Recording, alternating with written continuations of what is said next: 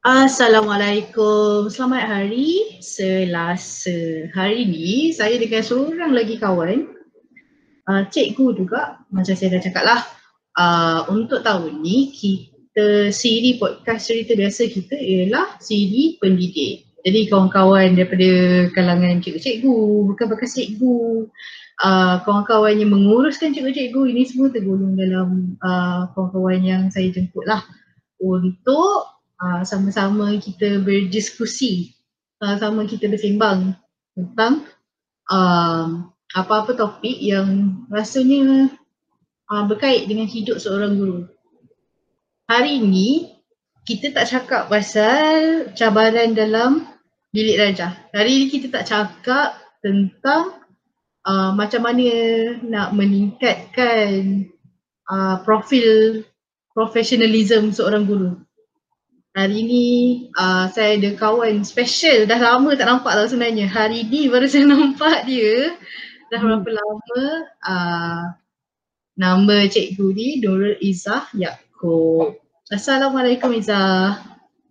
Waalaikumsalam warahmatullahi wabarakatuh. Uh, Izzah ni uh, sikit background story lah.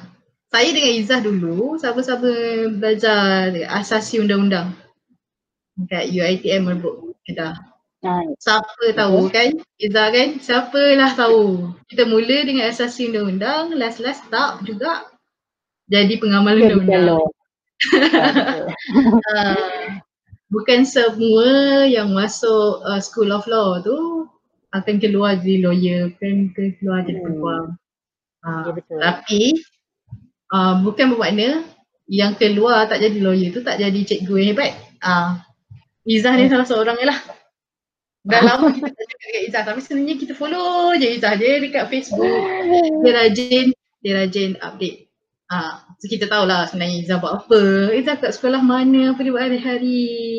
Ha, cerita oh, pasal yeah. ha. Okay. Hari ni ada satu topik yang kita nak nak uh, bincang, ada topik yang kita nak sembang dengan Izzah lah. Saya hmm. uh, rasa macam topik ni macam dekat di hati. Kenapa? Okay. Unik je Izzah dia punya background ialah Izzah dah kahwin. Anak Izzah berapa orang Izzah?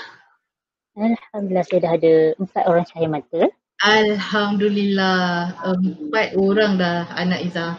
Dan yang bertanya ni anak seorang pun tak ada lagi.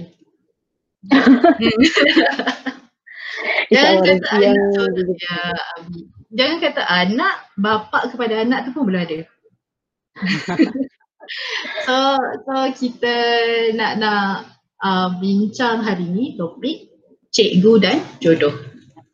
Hmm. Topik yang kita, hmm, hmm, hmm.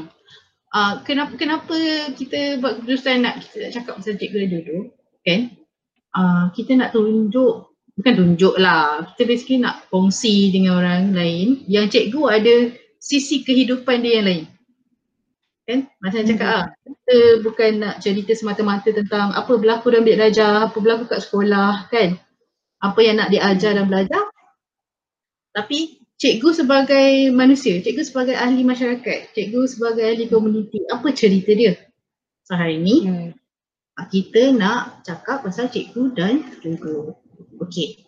Um, macam Izzah kan, kalau Izzah macam observe lah kawan-kawan kan. Macam Izzah mm-hmm. kahwin dulu umur berapa? Hmm, masa saya kahwin umur 23. 23? 2 tahun. Ha, final year. tahun. Hmm. Final year dekat IPG? Ya, yeah, betul. Hmm, final year dekat IPG 23 tahun. Okay, itu Izzah eh. Okay. Izzah tahu tak, dah tahun 2018 Mm-hmm. Uh, perempuan mula kahwin umur 26. Itu tahun 2018 eh. 2018, 26, okay. Uh, tahun 2019, perempuan mula berkahwin umur 27. Hmm. Okay, kalau kita okay. gunakan statistik yang sama, kan, mm-hmm. tahun 2020 jadi 28, tahun 2021 jadi 29. Ah, betul. Tak ada jadi lambat setahun, lambat setahun, lambat setahun. Ya, ya, jadi meningkat. Uh, dekat mana kita dapat uh, umur ni Statistik. Ah, Hmm. dari mana kita dapat statistik ni kan? Kita baca dekat uh, Asra Awani tu. Uh, Ketua Perangkawan Datuk Seri Dr. Muhammad Uzair Mahidin. So, dia ada laporan lah. So, Hmm. laporan dekat sini dia kata uh, trend. Purata umur pengantin. Jadi yang kita cakap tadi, purata umur pengantin wanita. Maknanya Hmm. dia punya bila dia mula berkahwin tu umur berapa. Lelaki dia kekal. Rata umur pengantin lelaki kekal pada 28 tahun. So maknanya rata-rata lelaki uh, kahwin pada umur 28 tahun lah. Tapi perempuan makin meningkat makin meningkat tahun makin meningkat umur. Maknanya makin lambat. Hmm. Personally yang bercakap ni umur dah 30 lebih. Pun belum kahwin juga. pun belum kahwin juga.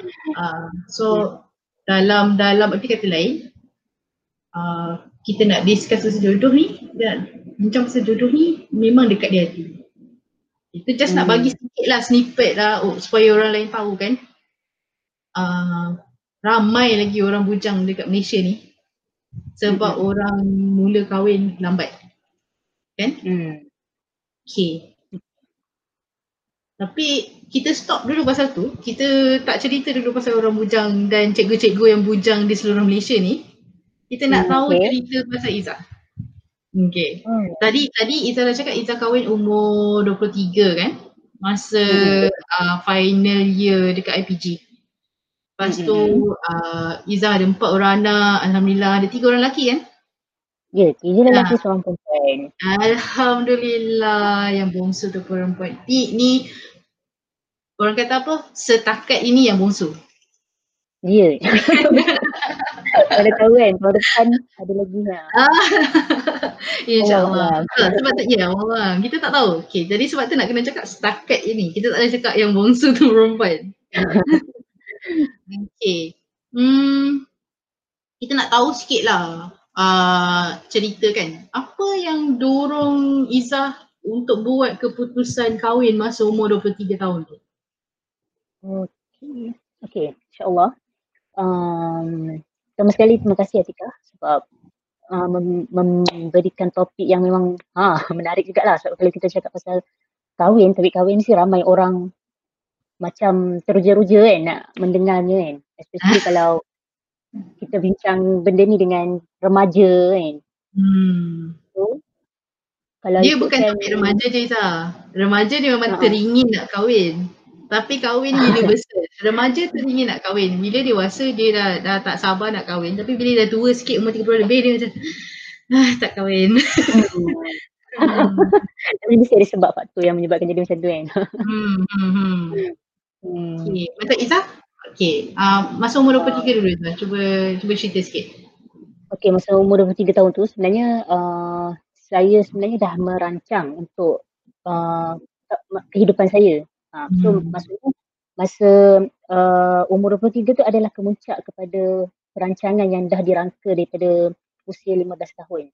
Hmm. Sebenarnya uh, tu, yang- yang tadi saya cakap sebenarnya uh, benda topik perkahwinan ataupun dia, dia dah jadi macam salah satu daripada uh, naluri uh, Hmm. manusia.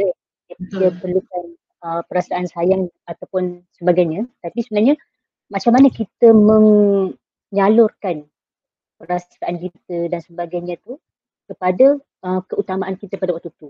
Uh, So pada usia 23 tahun tu adalah kemuncak kepada uh, perancangan kehidupan saya dah. Tapi masa umur uh, masa sebelum tu apa yang saya buat sehingga Hmm. plan kan uh, kita plan untuk uh, berkahwin tu.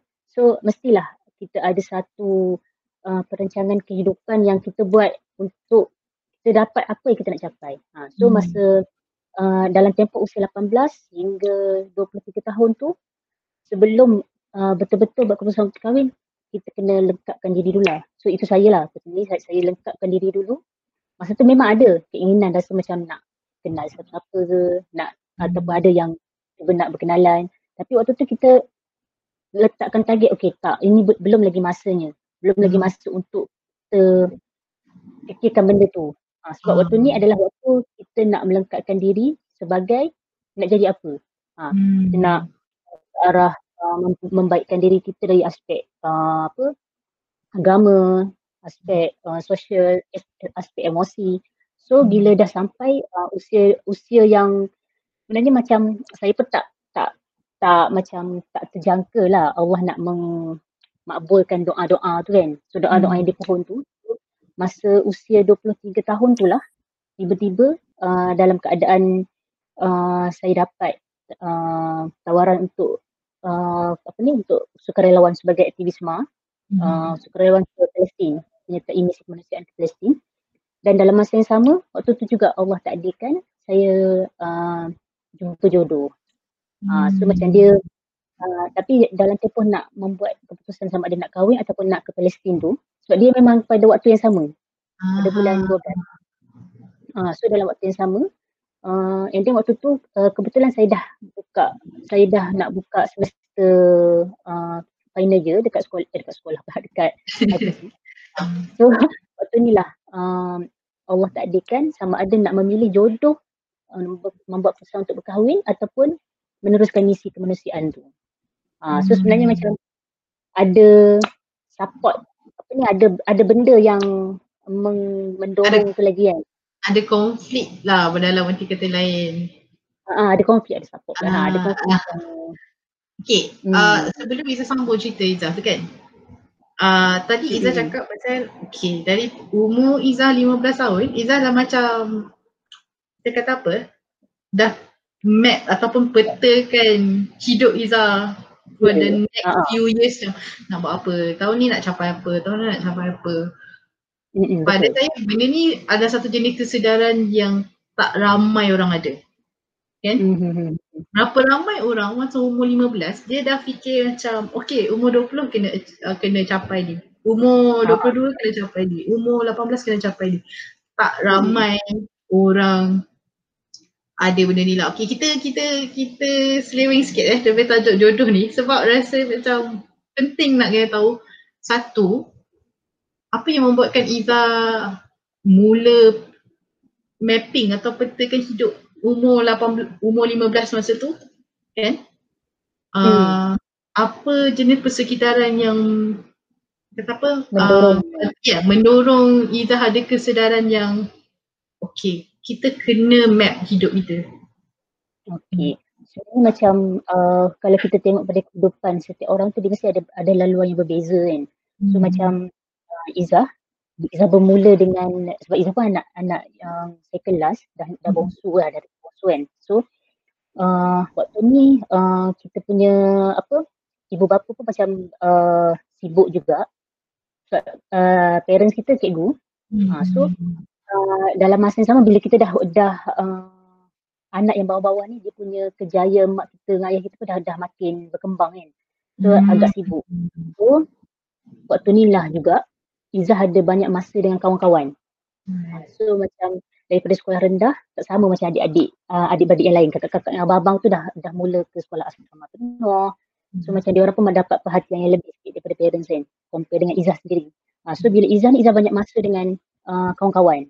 So hmm. waktu ni lah sebenarnya bermulanya konflik uh, diri juga sebagai macam rakan sebaya yang boleh hajak pergi ke mana-mana. Ha. So waktu ni uh, Izzah ada macam masalah sosial jugalah. Tapi bukan sosial macam sangat teruk lah. Cuma macam kalau nak dibandingkan dengan adik-beradik lain dia orang agak terkawal. Uh, so macam kalau Izzah ni uh, boleh pergi uh, berjalan ke mana-mana kan. So waktu ni lah uh, bila Izzah kenal dengan budak-budak kampung yang macam ada masalah sosial contohnya uh, ada kawan tu yang macam mencuri hmm. ada kawan tu yang uh, apa peras ugut kawan-kawan dia yang lain nak nak ambil duit semua kan. Tapi kita tak buat. Cuma waktu tu kita bergaul dengan orang-orang macam ni. Sebab uh-huh. menunjukkan macam kita macam kalau kawan kita yang rajin belajar uh, mesti dia macam fokus pada belajar je kan. So macam kita ada kawan yang ajak kita berjalan ajak kita main yang berlebih-lebihan. Ha, so uh-huh. waktu ni lah kita akan salah memilih kawan. Ha, so ingat waktu Izzah uh, umur uh, 12 tahun tu dalam adik-beradik. Izzah lah yang paling uh, rendah lah markah UPSR macam adik-beradik yang lain 2A atau 4A kan so Izzah waktu tu saya dapat 3A So waktu ni uh, parents dah mula bagi kesedaran sikit. Tapi kita still lagi jiwa remaja kan memberontak apa semua tu. So naik tingkatan satu, uh, abah kata okay, abah buat keputusan Izzah tak boleh nak pergi ke sekolah asrama. Sama ada asrama penuh ataupun asrama biasa berbanding adik kakak-kakak ataupun abang-abang yang lain sebab Izzah perlu ada kawalan daripada parents. Ha, so, uh, masa ni macam sebenarnya uh, Alhamdulillah lah bila Izzah melalui fasa-fasa macam ni kesedaran daripada ibu bapa tu sendiri dalam masa ibu bapa tu kita sibuk kan, ibu bapa kita sibuk tapi dalam masa yang sama dia nampak anak dia tu okey ada masalah yang dia perlu uh, kawal ibu bapa juga yang lebih lagi kan. So abah abah dengan Mimi Izzah dia dah buat uh, macam dia dah bimbing lah uh, usia uh, sekolah menengah tu okey tak boleh pergi sekolah asrama so kita kawal anak kita sepenuhnya dekat rumah. Hmm. Nak belajar nak apa maksudnya uh, benda tu saya rasa macam benda yang sangat besar jugalah untuk ibu-ibu uh, ataupun ibu bapa yang uh, yang muda-muda sekarang ni kan macam Macam Izzah ni untuk lihat sebenarnya kawalan anak tu sebenarnya letak pada diri kita, letak pada ibu hmm. bapa tu sendiri. Ha, so macam kalau kita tengok sekarang, kebanyakan kita mengajar kejaya kan, mengajar kejaya, mengajar uh, benda yang yang luas. So kita macam kadang-kadang tu kita dah terbabas untuk melihat uh, anak kita. So kita macam serahkan anak ni kepada pengasuh ataupun ibu bapa uh, ataupun sekolah, sorry kan, ataupun sekolah hmm. untuk uh, uruskan anak kita kan. Sebenarnya hmm. macam mana kita, uh, kita dalam rumah tangga tu, dalam keluarga kita, uh, kita bawa um, uh, apa yang kita nak bawa pada keluarga kita itulah sebenarnya yang mem- memberi impak yang besar kepada kehidupan anak-anak. So masa ni lah masa uh, umur satu hingga uh, daripada sekolah rendah sampai Izzah tingkatan dua lah. Izzah dah mula rasa ada something wrong dengan hidup aku. Ha, hmm. kenapa abah mak uh, macam dia buat satu dendaan okay, tak boleh nak keluar tak boleh nak tak boleh nak keluar ke sekolah asrama penuh so kena uh, uh, ke asrama yang biasa ke asrama penuh so tak boleh kan so abah kata kalau even Izzah berubah pada usia uh, 15 tahun pun uh, Izzah masih lagi akan duduk dengan Abang Ami yang macam tu. So masa tu lah tengok, tengok fasa-fasa kehidupan yang sebenarnya aku nak apa dalam hidup. Hmm. Bermula dengan usia 15 tahun tu lah. Uh, bila ada juga satu peristiwa, uh, macam banyak sangat peristiwa-peristiwa yang menyebabkan kita rasa macam ya Allah aku nak jadi apa sebenarnya kan. Hmm. Tapi benda tu dia bukan bermula dengan diri kita lah. Dia mesti bermula dengan orang-orang sekeliling kita juga. Ha, so support system kita ada dalam circle yang betul. Hmm. Itu kan kan, uh, kalau nak kata macam budak-budak sekarang, orang muda sekarang tak fikir langsung tentang masa depan, rasanya itu macam overstretching tu. Okay? Mm-hmm. Macam saya cakap lah, uh, ada ada je masa-masa dekat dalam titik kehidupan kita ni Allah akan sentiasa hantarkan peringatan macam tu. Kan? Mm-hmm. Uh, dia selalu mm-hmm. macam uh, bagi hati kita terdetik ke macam Izzah cakap uh, support, support system yang yang betul uh, tak pun panduan atau pendidikan daripada orang lain, orang sekeliling macam mak bapak kan yang yang dalam dalam satu-satu masa dia dah jadi satu yang orang kata apa uh, natural untuk manusia tu fikir pasal diri dia sendiri manusia tu fikir oh sekarang sebenarnya dekat mana tahap hidup dia nak buat apa dengan hidup dia apa semua cuma apa yang membezakan kita adalah lepas fikir tu dia buat apa tak? ha. ha betul kan bukan rasanya hmm. rasanya semua remaja ada ada dia punya momen-momen macam ni dia kata okay, hmm. nak, nak apa nanti besar nanti kan ha nanti hmm. gimana apa mesti ada cuma macam Iza, Iza ambil tu macam satu langkah lagi macam okay jom kita set hidup kita sekarang. Okay. So kita hmm. buat hidup uh, by tahun ni tahun-tahun ni apa benda nak kena capai tapi tak semua orang macam tu ada yang terfikir lepas tu buat tak tahu je. Ataupun dia mungkin tak tahu apa yang dia perlu buat kan. Itu ataupun dia macam rasa macam apalah muda lagi ni nanti kita KIV kan dulu. Ya, kita KIV kan dulu sampai satu masa untuk kita fikir which bila sampai umur tu dia rasa fikir dia dah lupa dah. Mm-hmm. Dan dia akan sentiasa akan ada dalam cycle yang sama. Mm-hmm. Okay. Bagus. okay. Kita dah tahu dah proses tu. Okay. Mm-hmm. Now, okay. Uh, kita nak tahu lah. Bukan kita nak tahu. Macam macam kita kita dah tahu dah cerita Izzah macam mana Izzah jumpa husband Izzah. Okay. Kan? Macam hmm. mana cerita kahwin Izzah. Tapi orang lain uh, yang tengah dengar kita punya uh, sembang ni mungkin tak tahulah uh, husband hmm. Izzah jumpa husband Izzah macam mana? Kenal ke tak? Apa lama kenal ke? Apa semua tak? Cuba Izzah cerita. Mm-mm. Okay. Hmm, okay, sebenarnya kita orang uh, pasangan yang memang jauh berbeza lah. Dia Hmm. punya bidang pun.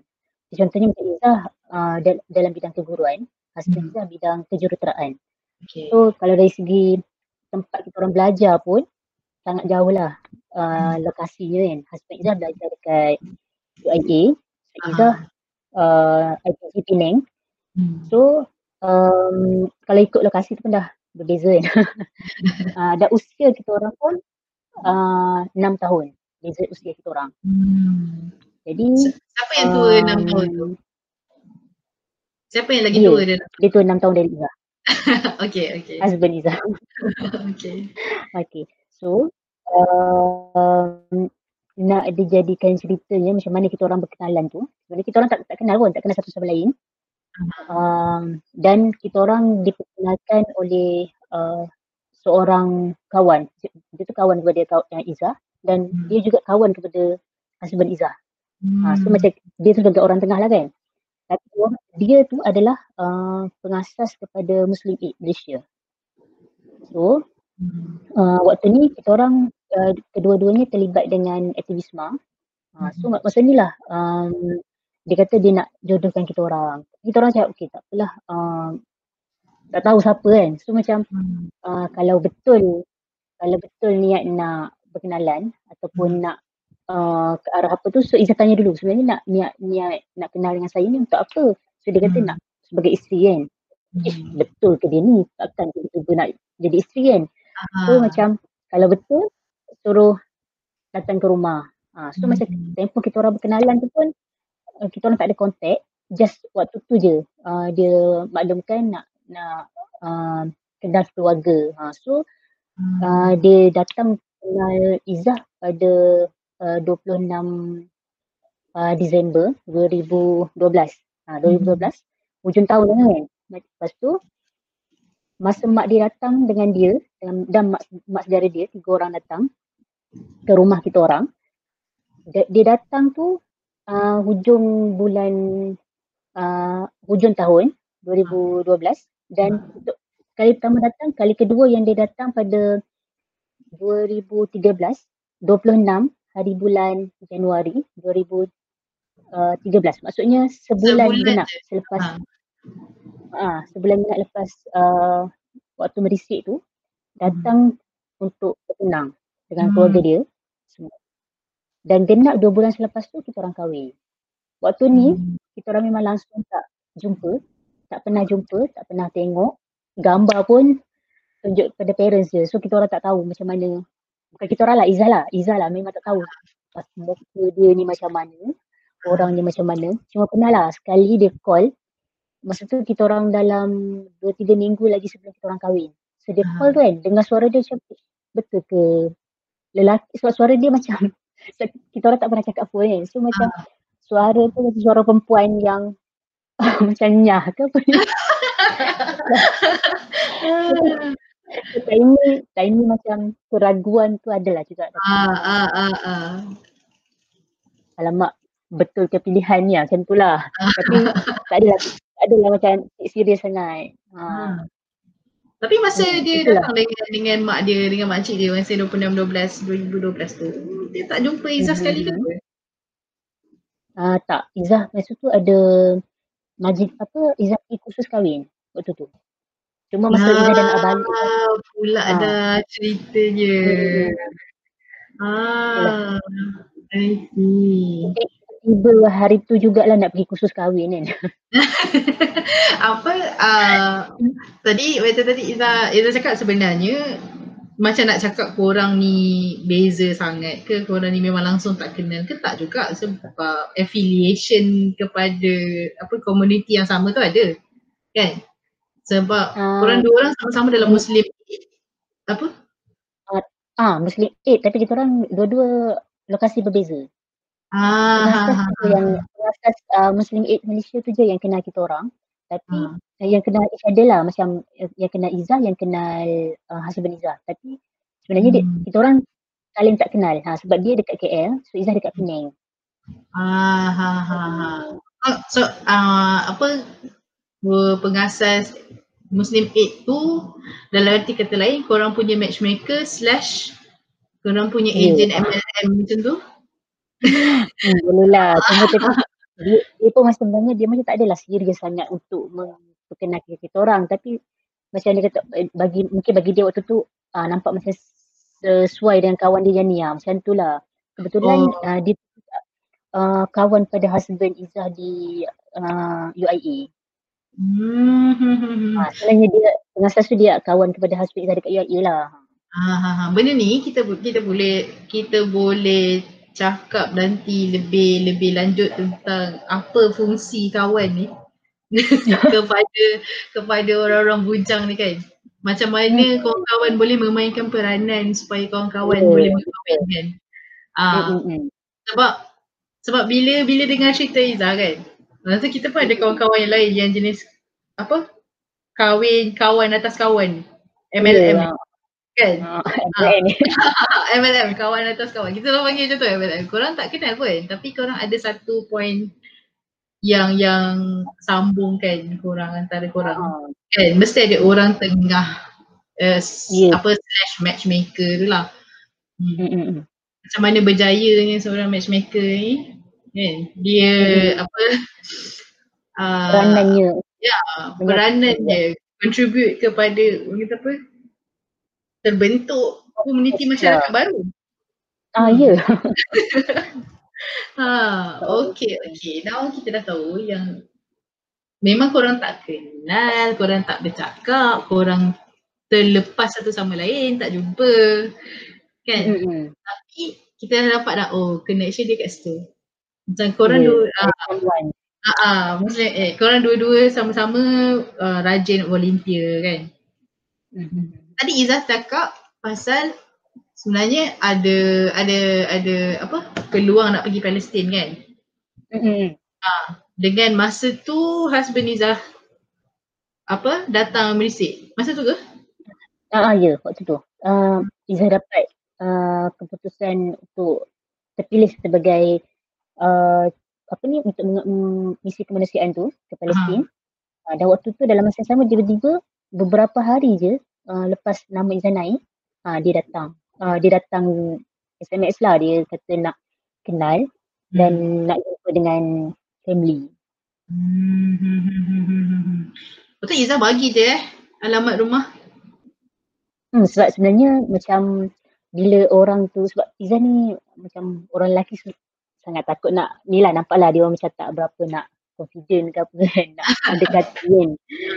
Mungkin sebab Izzah tegas ke apa wallahu alam kan. Tapi biasanya yang bila yang datang tu dia akan datang um, memang nak nak kenal sama ada melalui perantaraan ataupun bagi tahu sendiri kan. So Izzah kata okay tak apa. Kalau kalau betul-betul serius boleh datang jumpa parents. Ni bukan husband Izzah je. Macam beberapa so, calon lain pun macam tu. Betul betul betul. Kalau dia kata serius kan, ada dia kisah pula suruh jumpa parents kan, jumpa je lah kan. Ha. betul betul. Waktu tu kita tengok keseriusan kita kan. Ah, tadi sebenarnya baru macam nak cakap, oh beraninya bagi alamat rumah. Terlupa, terlupa fakta yang sebenarnya korang ni ada orang tengah yang dipercayai. Hmm, ha. betul. So That's bukan orang yang, yang nampak dekat Facebook tak tahu mana jalan mana hala dia tiba-tiba hai saya nak kahwin dengan awak apa tu bagi alamat tak kan. Dahsyat tu. Tapi ni Izzah bagi nombor telefon uh, Mak Izzah dulu lah. Okay, hmm. Kalau nak tu so dia yang berhubung dengan Mak. So Mak ah. yang bagi alamat.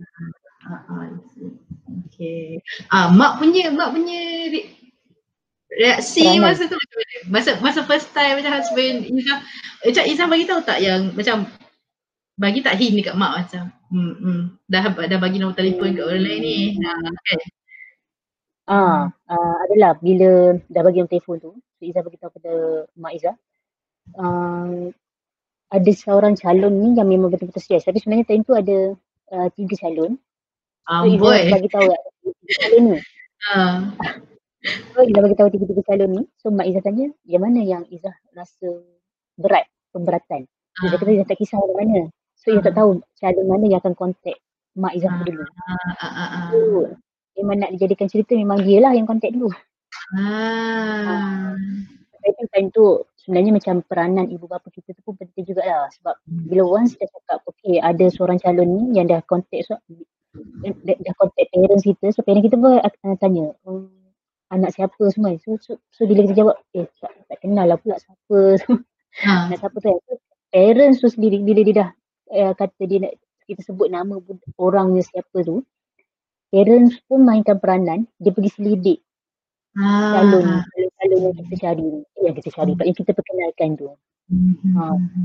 So, selidik dia tu dengan cara dia pergi ke uh, rumah orang tu, kawasan rumah orang tu. So dia tanya orang, contoh orang kedai yang berhampiran dengan rumah dia ke, Hmm. ataupun uh, dia pergi tanya jiran, anak Hmm. siapa sebenarnya, dia nak tahu siapa keluarga tu sebenarnya. Ha.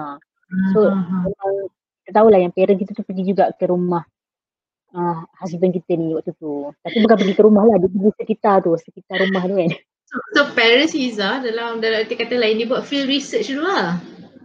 Ya, tapi tak adalah secara secara detail ke semua kan. Jadi dia pergi secara tak langsung lah. Eh, tapi kan, tapi kan menarik tau Iza. Dia apa uh, the extra effort yang parents uh, Uh-huh. uh, buat untuk anak tu kan. Mm-mm. Ah. Hmm. Macam macam mana dia nak ada keyakinan untuk memberi persetujuan untuk anak dia kahwin tu.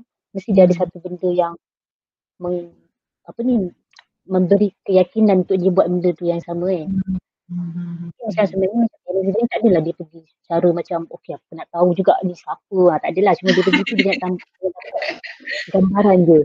Dia kata Ah. tapi kita tahu tu pun lepas kita orang dah kahwin baru kita orang tahu oh rupanya parents kita ni dah dah pernah pergi sekitar rumah dia.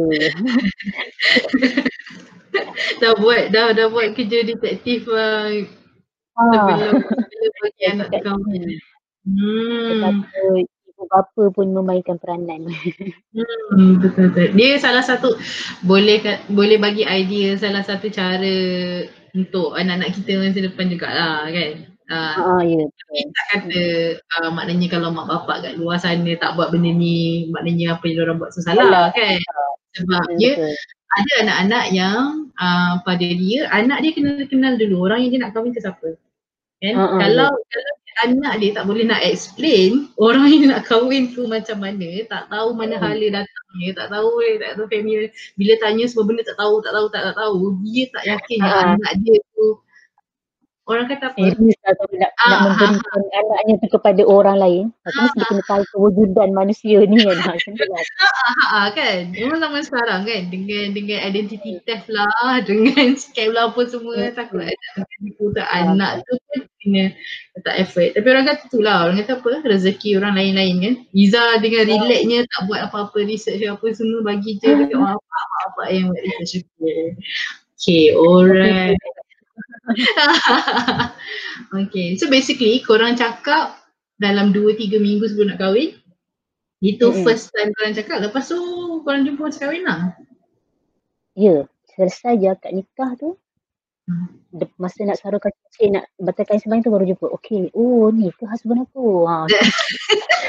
Dia pun macam, "Ah, okay. Cute lah korang. Ha, itu itu pun satu lagi itu pun satu lagi benda yang kata apa uh, tahap ke, tahap keyakinan dan keberanian berbeza antara manusia satu sama lain. Sebab kalau kita kan Sebab kita tak tahu siapa benda siapa lelaki tu kan. Masa nak jumpa waktu nikah buat jumpa Hmm. macam memang tak lah. So. Tak boleh, tak boleh. Kita tak boleh build trust that way macam tu. Ada orang, Okay, faham. ha, ada orang tak boleh kan. Ha. Macam, memang salut lah, memang salut lah. Memang kita memang follow Izzah punya story dekat FB kan kadang cerita pasal kahwin kan. Macam reflect macam tu. Bila cakap tak kenal tu macam, Ish, ini ini memang another level of berani.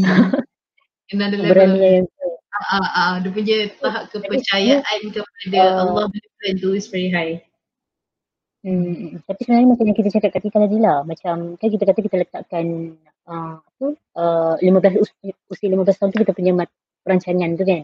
Nak Hmm. kahwin tu. Tapi sebenarnya dalam tempoh 15 tahun tu antara perancangan kita orang buat eh kita orang pula yang Izzah buat sebenarnya Izzah uh, itulah yang cakap tu kan usaha membaiki diri kita tapi dalam masa yang sama tu apa kita nak pada usia pada usia yang kita nak capai tu so macam tadi cakap bila usia 23 tahun kita rancang nak kahwin ni hmm. so dalam tempoh 15 tahun hingga usia 23 tahun tu memang kita uh, tak pernah tinggal lah doa pasal jodoh tu ah. memang jodoh yang spesifik tu kita memang sebut macam macam ni lah macam contohnya kalau kita punya keinginan ataupun kita nak capai sesuatu mesti kita akan doa pada Allah dengan hmm. sebut satu-satu kan. Ha, mesti kita kata ya Allah Tuhan bila aku jodoh. Ha, tak ada macam tu.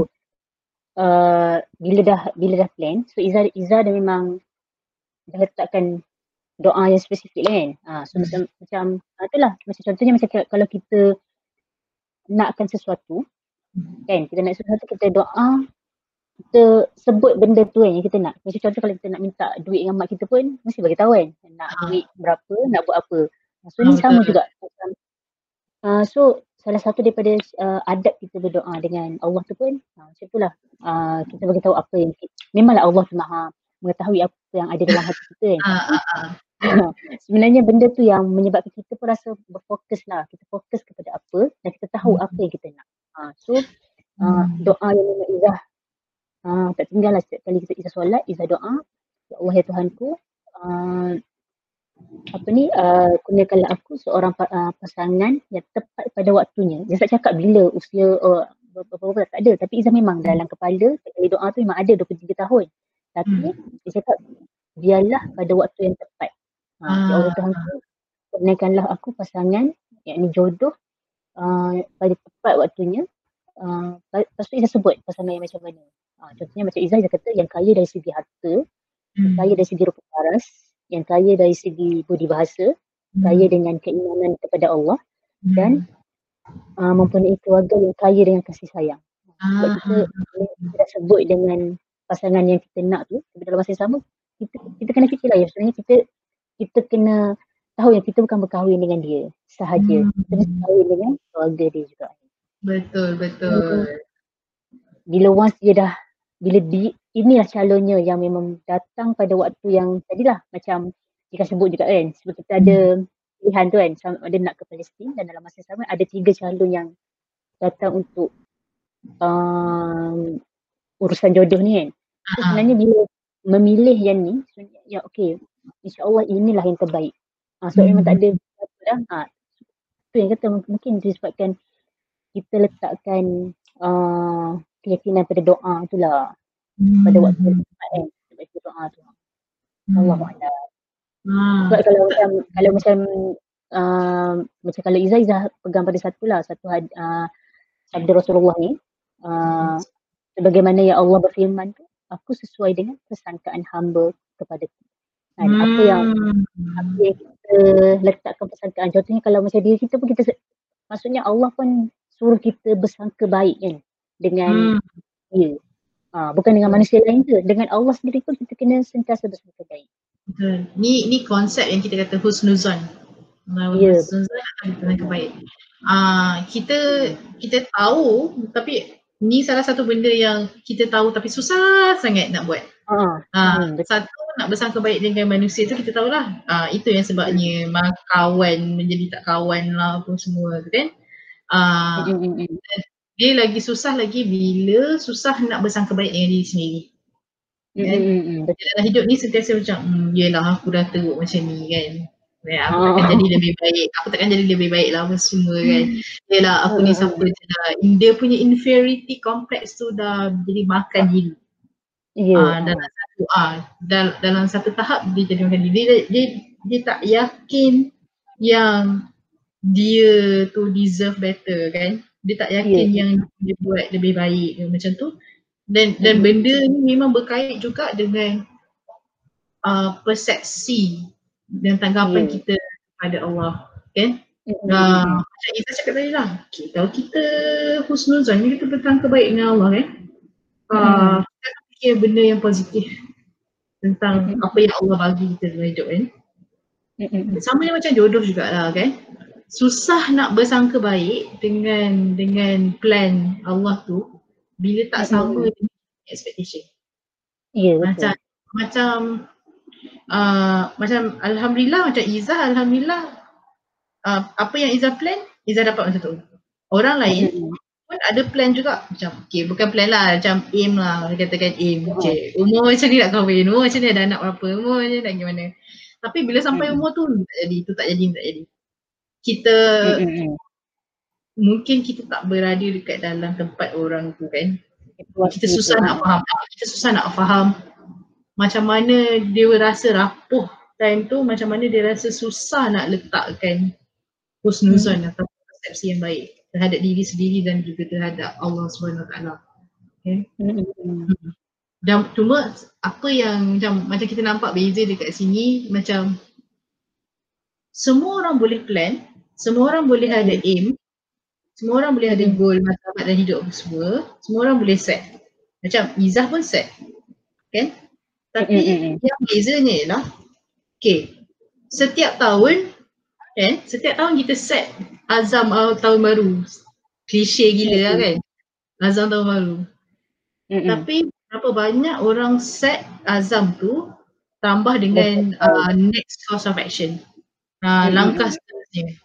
Macam Izzah tadi mm-hmm. cakap ah, dah set dah umur ni, umur ni, umur ni nak buat apa next step mm-hmm. Izzah ialah dengan continuously istiqamah setiap kali lepas solat actually doa, doa, doa, doa, doa, doa, doa, doa dah tak tahu berapa tahun sebenarnya mm-hmm. doa kan Ah, tapi ah, still ah, sama. Allah maha kenalkan. Ah, betul? Hmm, hmm. Tapi sebenarnya di, samping, di samping kita doa tu, itu doa kita untuk urusan jodoh kan. Tapi dalam masa yang sama tu, kita sebenarnya sedang menyediakan diri kita. Hmm. Menyediakan hmm. diri kita untuk ah, macam yang saya cakap awal tadi kan. Kita sediakan diri kita sebagai apa. Hmm. So macam uh, sebab tu lah kita cakap tadi kita kita ada aim in. Setiap orang hmm. tu ada aim kan. Tapi hmm. di sebalik aim kita tu apa yang kita buat untuk dapat aim eh, apa untuk dapat apa yang kita dah aimkan tu kan. Hmm. So kita punya usaha lah. Langkah seterusnya usaha kita apa? Kan? Ha, uh, uh, usaha ha. kita apa? Kita mesti kena buat benda tu. Ha. Hmm. Betul-betul. Kita tak boleh nak mengharapkan okay, kita dah doa macam kita dah aim, kita dah aim dan kita dah doa. Lepas kita harap macam oh by some sort of miracle kan Allah akan dengar doa kita sebab hmm, tiba-tiba ada. sebab macam tada, aku kan semayang solat cukup semua puasa solat semua takkan Allah tak sayang aku. Ah. Dia bukan macam tu. Okay, kita tak ada ah. kita tak ada rubrik, kita tak ada macam uh, apa skematik yang kata okay buat A B C D Allah akan bagi. Sebab uh, betul. Sebab ya kita boleh plan, kita boleh usaha, kita kena tahu final boss tu siapa. Hmm, hmm. Dan final boss tu Allah kan. Okay. Hmm, hmm. Dan kena faham konsep rezeki orang lain-lain.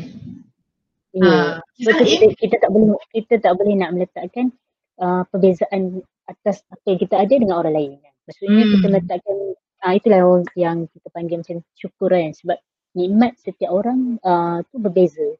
Ada hmm. orang mungkin dia kelebihan dia dari segi jodoh. Ada orang. Tapi hmm. ada orang ada orang lain macam contohnya dalam adik-beradik pun contoh ada tujuh orang adik-beradik. Tak semestinya tujuh-tujuh uh, adik-beradik ni walaupun daripada rahim ibu yang sama dia akan mengalami dia akan mem, uh, menghadapi ataupun menikmati uh, nikmat-nikmat yang sama. Hmm. Ada jodoh dia uh, ringan. Ada orang hmm. uh, dari segi kejayaan dia dia dia lebih baik daripada orang yang jodohnya baik macam ni. So setiap orang tu ujian dia berbeza-beza kan. Hmm. Uh, tapi dalam masa yang sama macam mana kita nak meletakkan rasa syukur tu dengan setiap nikmat yang kita ada tu kan. Hmm. Hmm. hmm, hmm. Ya betul betul Liza. Dia kan bila kita cakap pasal bila kita cakap kita dengar cerita kawan-kawan yang dah kahwin dah ada anak umur lebih kurang dia macam kita lah macam kita dengan Liza kan umur lebih hmm. kurang. Tapi Liza anak dah empat dah sudah kahwin lama dah apa semua. Kadang-kadang nak rasa jealous hmm. tu senang je. Orang yang belum kahwin ni senang sebenarnya nak macam satu dia rasa jealous dengan kawan dia yang dah hmm. ada dia rasa macam dah dah tingkat hidup tu dah berbeza. Mm-hmm. so dia nampak kawan dia dah kahwin, kawan dia dah ada anak, dia rasa hidup kawan dia tu macam dah, kata apa, berkembang, dah establish. Dan dia masih mm-hmm. ada dekat dekat point hidup yang hmm, aku masih bujang, tak ada apa, eh, semua macam tu. Uh. Dia senang rasa nak jealous satu. Satu lagi bila kita cakap tadi lah, bila kita uh, kita punya pandangan dan tanggapan terhadap Allah kan senang mm-hmm. senang rasa macam hmm, aku ada buat salah ke Allah tak sayang aku ke oh. kan ha kan uh, apa Allah tak sayang aku ke Allah tak bagi aku macam tak bagi tak bagi husband kan macam tu padahal mm. padahal bukannya bukannya tak nak kahwin padahal bukannya tak nak ada anak ke apa ke kan Mm-hmm. Ha, memang itulah jodoh tak datang-datang lagi. Ni cakap pasal daripada mm. diri sendiri punya experience lah.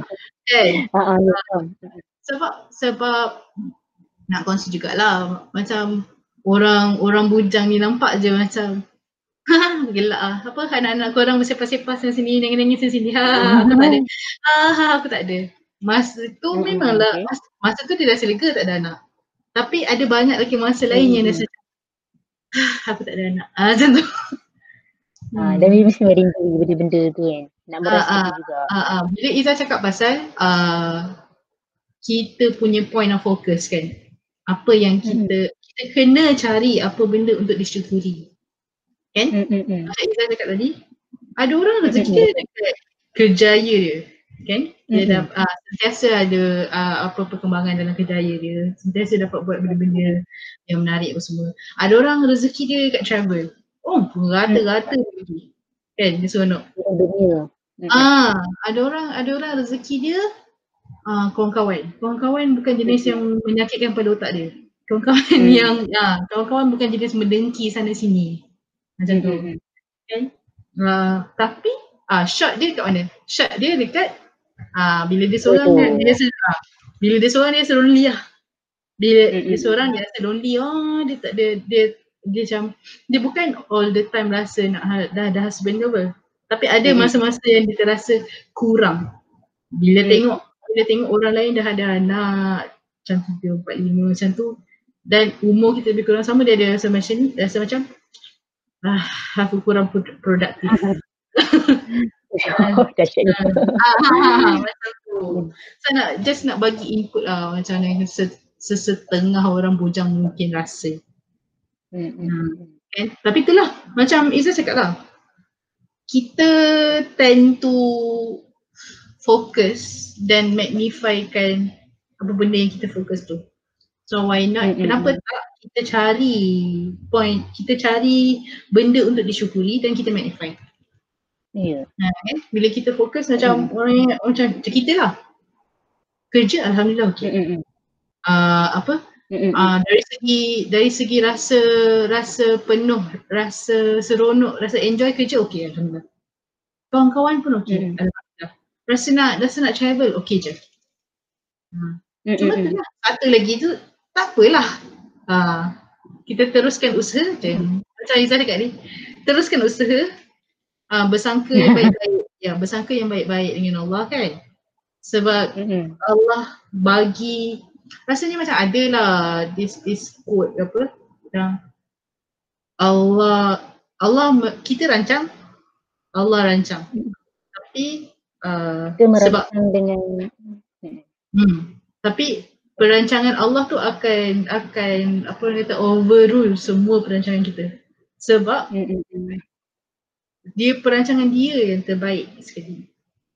Hmm, betul. So, so kita kena kita kena dalam dalam arti kata lain kita kena berusaha mm-hmm. uh, dalam masa dalam masa yang sama dalam usaha jangan rasa jangan rasa kecil hati sangatlah. Hmm sebab Allah mesti meletakkan sesuatu tu dengan caranya. Ah mesti mesti dia apa yang dia buat tu mesti kena pada waktunya, mesti kena dengan tempatnya. Hmm. Macam sebagaimana hebatnya perancangan kita pun. Sebab kita merancang dengan cita-cita, tapi Allah hmm. merancang dengan cintanya. Yeah. Allah lebih hebat dan besar kan. betul, betul, betul. Kita tak tahu kan? Uh, bukan, bukan apa? Bukan tak ada orang yang ajak kahwin. Ada. Mm-hmm. Tapi kenapa tapi kenapa masa orang tu ajak kahwin kita tak nak kahwin? Kan? Hmm, betul. Kan? Mesti mesti ada sebab kenapa Allah detikkan hati macam tu lah kan? Hmm. So so macam kita kita rasa mesti ada juga orang lain, cikgu-cikgu lain, kawan-kawan cikgu lain yang lebih kurang macam ni. Macam pengalaman macam kita. Nanti bila dah umur dah lebih macam ni, 30 lebih macam ni, macam oh dulu masa umur 20 lebih dulu ada orang ajak kau kahwin, kenapa tak nak kahwin? Kalau tak kau selamat dah, anak dah berapa dah sekarang? Uh, macam tu kan. Tapi jangan, uh-huh. kita apa? Mengukur, mengukur kebahagiaan dengan cara itu saja kan. Hmm, ya betul. Kita tak tahu, hmm. kita tak, bahagia ada banyak skop. Bahagia ada banyak yeah. bekas dia.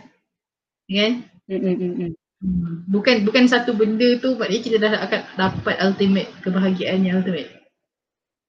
Hmm. Betul? Okay, alright.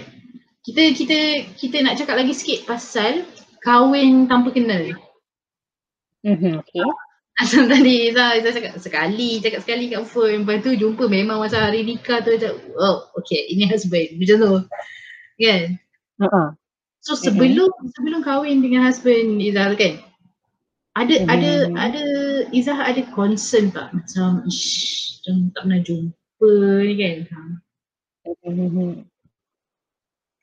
Okay, sekali ikutkan macam concern Izzah pasal dia lah kan so, Izzah hmm. macam um, mesti setiap orang tu dia ada lah dia punya concernnya tu kan so kalau Izzah, Izzah memang cakap kat dia kalau betul lah kita nak teruskan perkahwinan ni ni selepas uh, selepas kita orang merisik tu lah sebelum kita orang bertunang tu. Mm-hmm. So uh, dia cakap okay apa Izzah punya konsep Izzah kan. So dia cakap mm-hmm. konsep Izzah adalah satunya yang paling utama dia mesti orang yang sokong dan dokong Izzah dalam dakwah dan tarbiyah. Hmm. Dakwah dakwah tarbiyah itu adalah program-program Izzah lah. Sebab Izzah kata dakwah tarbiyah tu adalah kehidupan Izzah. So hmm. macam mana Izzah hari ini adalah disebabkan ilah, uh, dakwah dan tarbiyah yang Izzah terima. Izzah hmm. jadi Izzah hari ini bukan sebab Izzah. Ha, bukan sebab Izzah ni adalah dilahirkan jadi Izzah.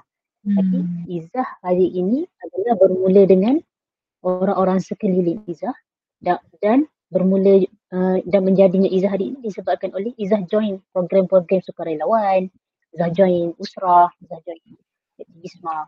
So dia kata hmm. ya, dia sangat, dia kata dia boleh support juga dan hmm. dia akan turut sama turut sama hmm. dengan Izzah dengan dakwah tarbiyah ni. So yang tu yang hmm. pertama. And then yang kedua Izzah kata uh, kalau betul dia nak kahwin dengan Izzah sebab Izzah memang tak akan minta dia untuk jadi apa dan Izzah pun tak mengharapkan untuk dia minta Izzah untuk jadi apa-apa kan. So uh, uh, cuma Izzah nak bila kita berkahwin kita bukan berkahwin dengan diri kita sendiri je. Maksudnya hmm. Izzah kahwin dengan dia so Izzah akan dapat orang ni. So dia pun dapat Izzah juga. Ah, so tak. Tapi berkahwin ni mesti yang melibatkan dua buah keluarga. Uh-huh. So kalau dia kahwin dengan Izzah, dia, tetap, dia juga akan berkahwin dengan keluarga Izzah. Sama juga macam Izzah, bila Izzah kahwin, Izzah bukan kahwin dengan saja, tapi Izzah kahwin dengan keluarga dia juga.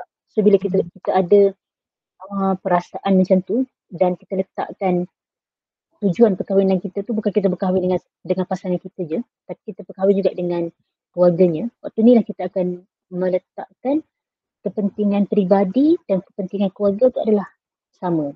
Ah. Ha. So macam kekurangan dan kelebihan keluarga masing-masing sebab of course lah kita pun dibesarkan dengan keluarga yang berbeza latar hmm. belakang yang sebenarnya. Mesti dari segi makan pun be- mungkin berbeza, dari segi pakaian, cara pakai, cara sikat rambut pun mungkin berbeza. So macam mana buruk baik pasangan dan keluarga kita adalah um, tanggungjawab kita lah. So macam kita kena terima.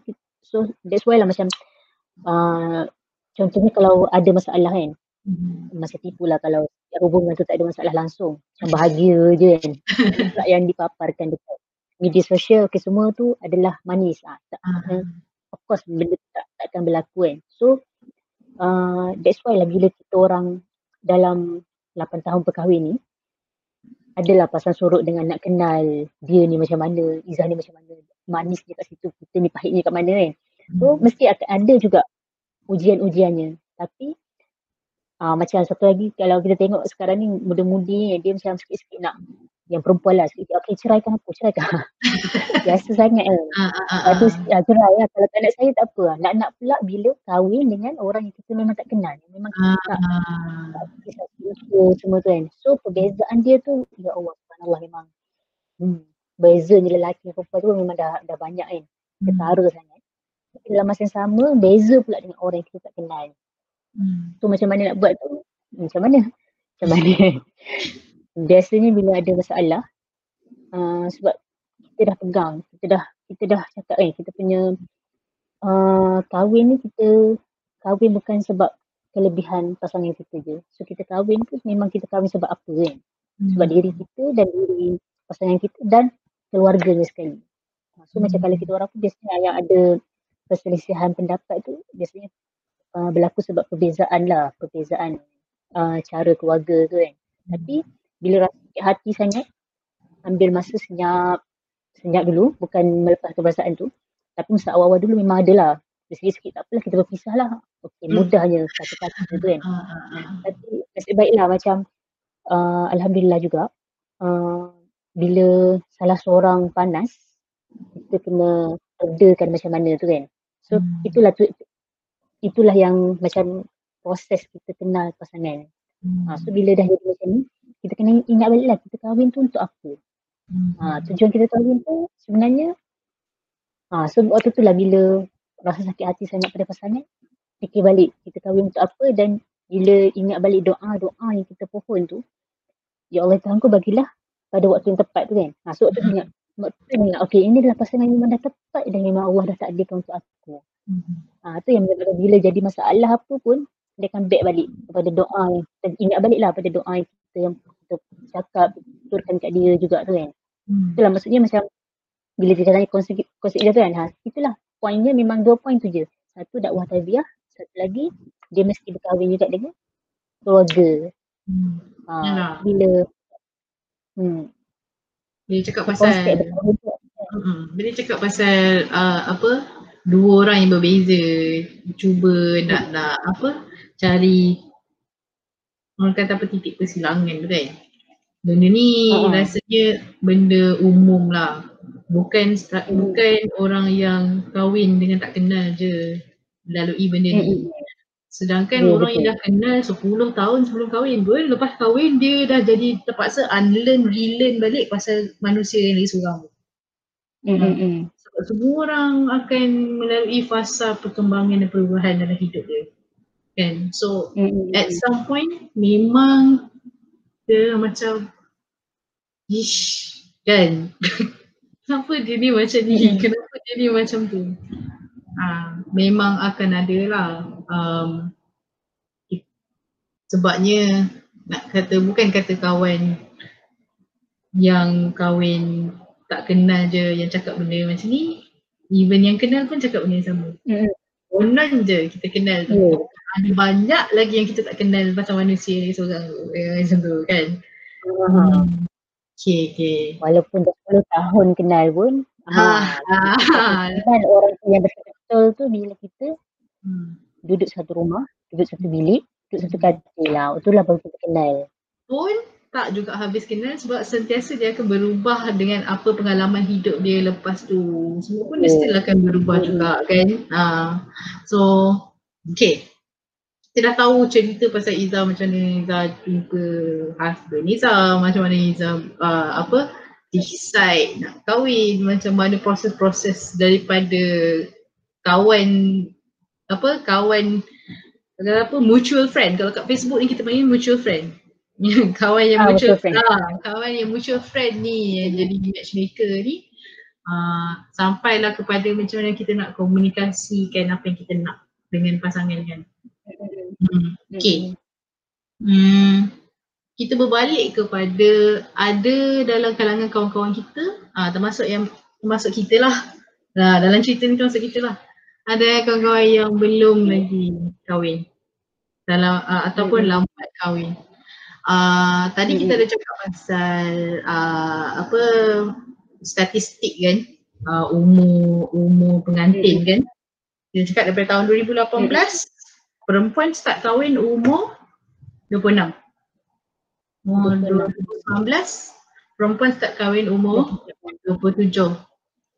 Uh, data 2000, 2020, 28 dan nama-nama tambah-tambah macam tu. Okay. Uh, ada dalam kajian penduduk dan keluarga Malaysia kelima masa tahun 2014 kan Uh, hmm. Dia ada buat survey juga, dia tengok tiga faktor utama kenapa orang bujang dia pilih untuk tak berkahwin ataupun dia lambat nak kahwin.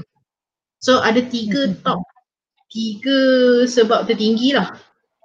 So Hmm. tiga sebab tertinggi ni uh, sama lelaki dengan perempuan tapi ada ranking yang berbeza.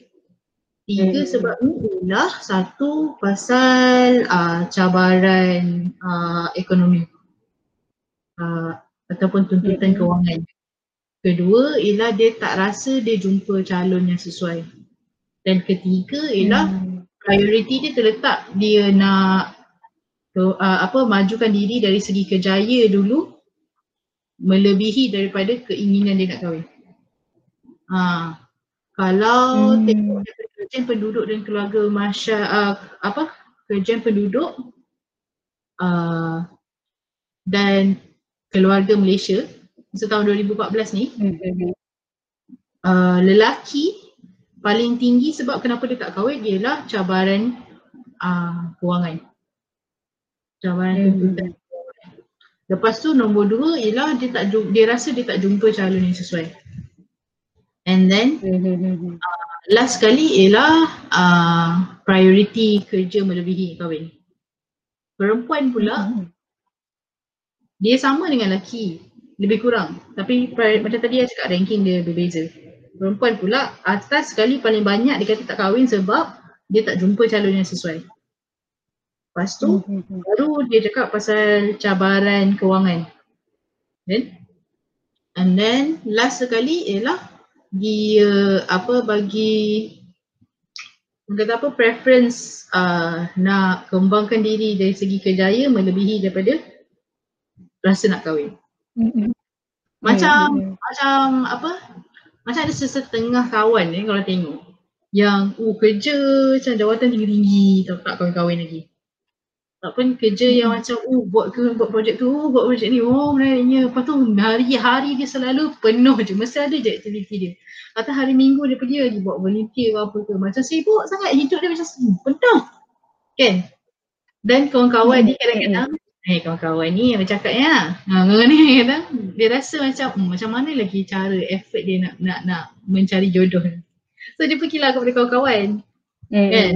Ah, uh, kawan-kawan macam hmm, ada tak orang kan macam nak kahwin, ada tak orang yang uh, apa boleh buat perkenalan ke apa kan.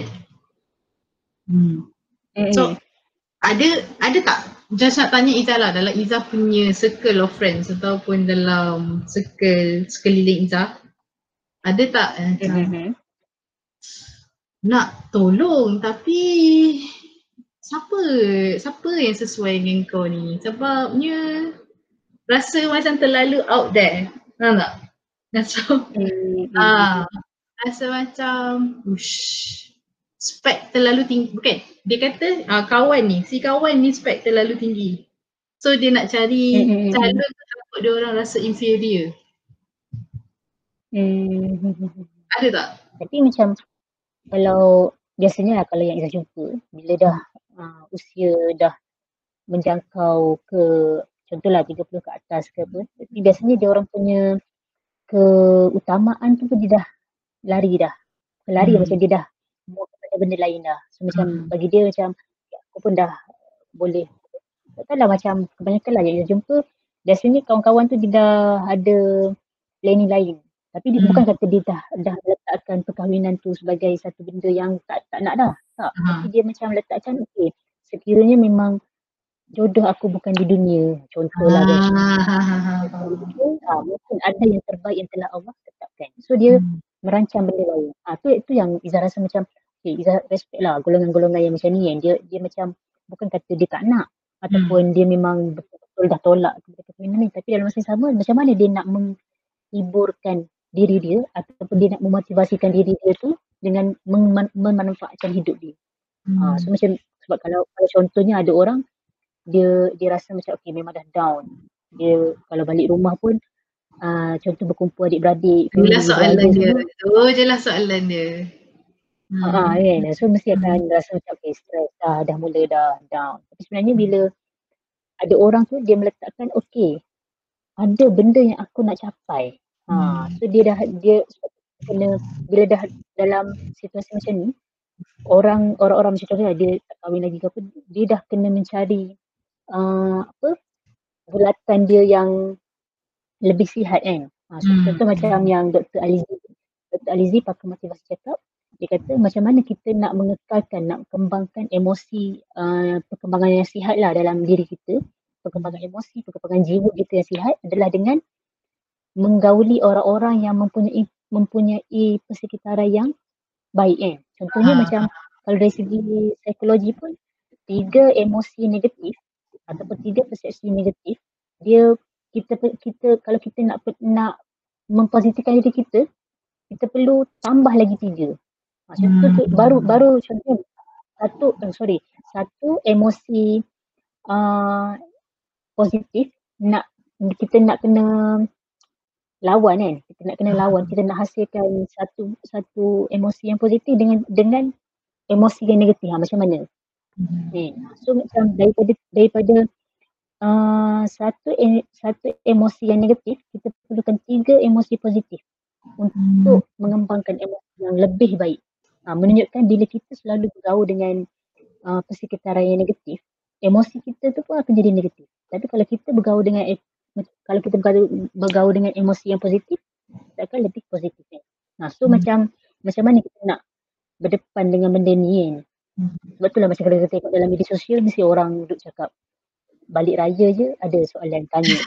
ha, balik raya, kata kita nak hmm. balas balik kan? Uh, uh, Kata kita uh, nak balas balik dengan yang kasar kan? Nah.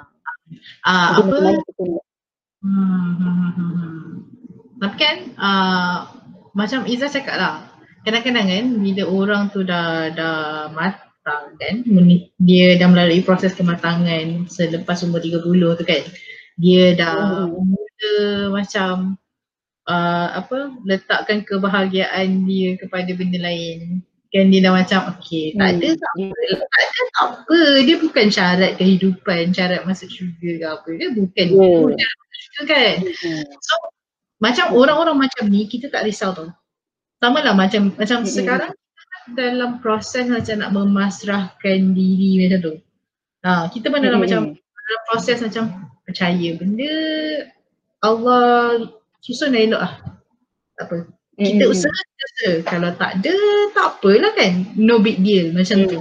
Dan kita percayalah banyak kawan pun rasa macam tu juga. Banyak kawan yang masih bujang sekarang dengan umur yang macam ni pun ramai yang macam tu. Kita mencari yeah orang kata apa mencari keikhlasan uh, mm-hmm. try try nak hidup tu kan okay orang-orang macam ni kita tak risau sangat cumanya uh, mungkin kita mm. boleh tengok dari segi orang-orang macam ni bukan tak try tau dia kenal dengan orang kan orang mm. pun nak dia tapi ada je lah mungkin mungkin, mungkin bukan mm. rezeki lah yang menyebabkan dia tak end up dengan kahwin tu kan cumanya macam kita tengok mm. pula dari segi orang sekeliling kan bila bila Jadi, macam macam orang macam kita, kawan-kawan yang macam kita, dia macam dah tahu apa benda dia nak dalam hidup dia, dia pergi pursue apa benda yang dia nak dalam hidup dia kan.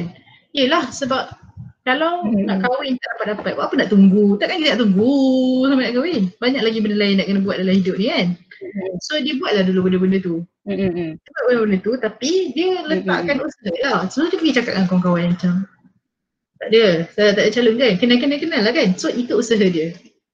Ha. Tapi kawan-kawan hmm. pula jenis macam kau dah terlalu orang kata apa atas dengan dengan populasi populasi lelaki-lelaki yang ada-ada ni macam mungkin tak sesuai. Dia dah letak macam assumption dekat situ. Kan? Padahal kawan relax je macam tak kisah pun. Kan? tak kisah pun lah kita kenal, kenal je dulu, kenal je dulu kan. Tapi Iza cakap tadi point tu rasanya uh, relevant. Macam mana? Uh, dah kalau orang tu tak mau bantu, buat apa kita kita still nak stay dekat yeah. situ kan? Uh, kita uh, cari inilah environment yang lebih sihat. Ah, uh, macam yeah. kalau apa ah uh, tak ingat siapa yang cakap ni. Uh, dah tahu ikan tu berenang, janganlah suruh ikan tu panjat pokok. Memang hmm. sampai ke sudahlah ikan tu tak boleh nak panjat pokok, betul tak? So, so dalam kata lain, dalam dalam hmm. dalam situasi macam ni, okay, kalau dah kawan tu dah macam tu dia punya assumption dia, okay move, move on kepada kawan yang lain. Kan? So kita letak rasa Ha, kita, kita ada kita lebih rap, lebih banyak lagi sekarang. Ah, kita ada pilihan, kita ada pilihan lain macam okay, kawan A dah cakap macam tu. Okay, tak apalah, janganlah nak sedih sangat. Pergi dekat kawan B.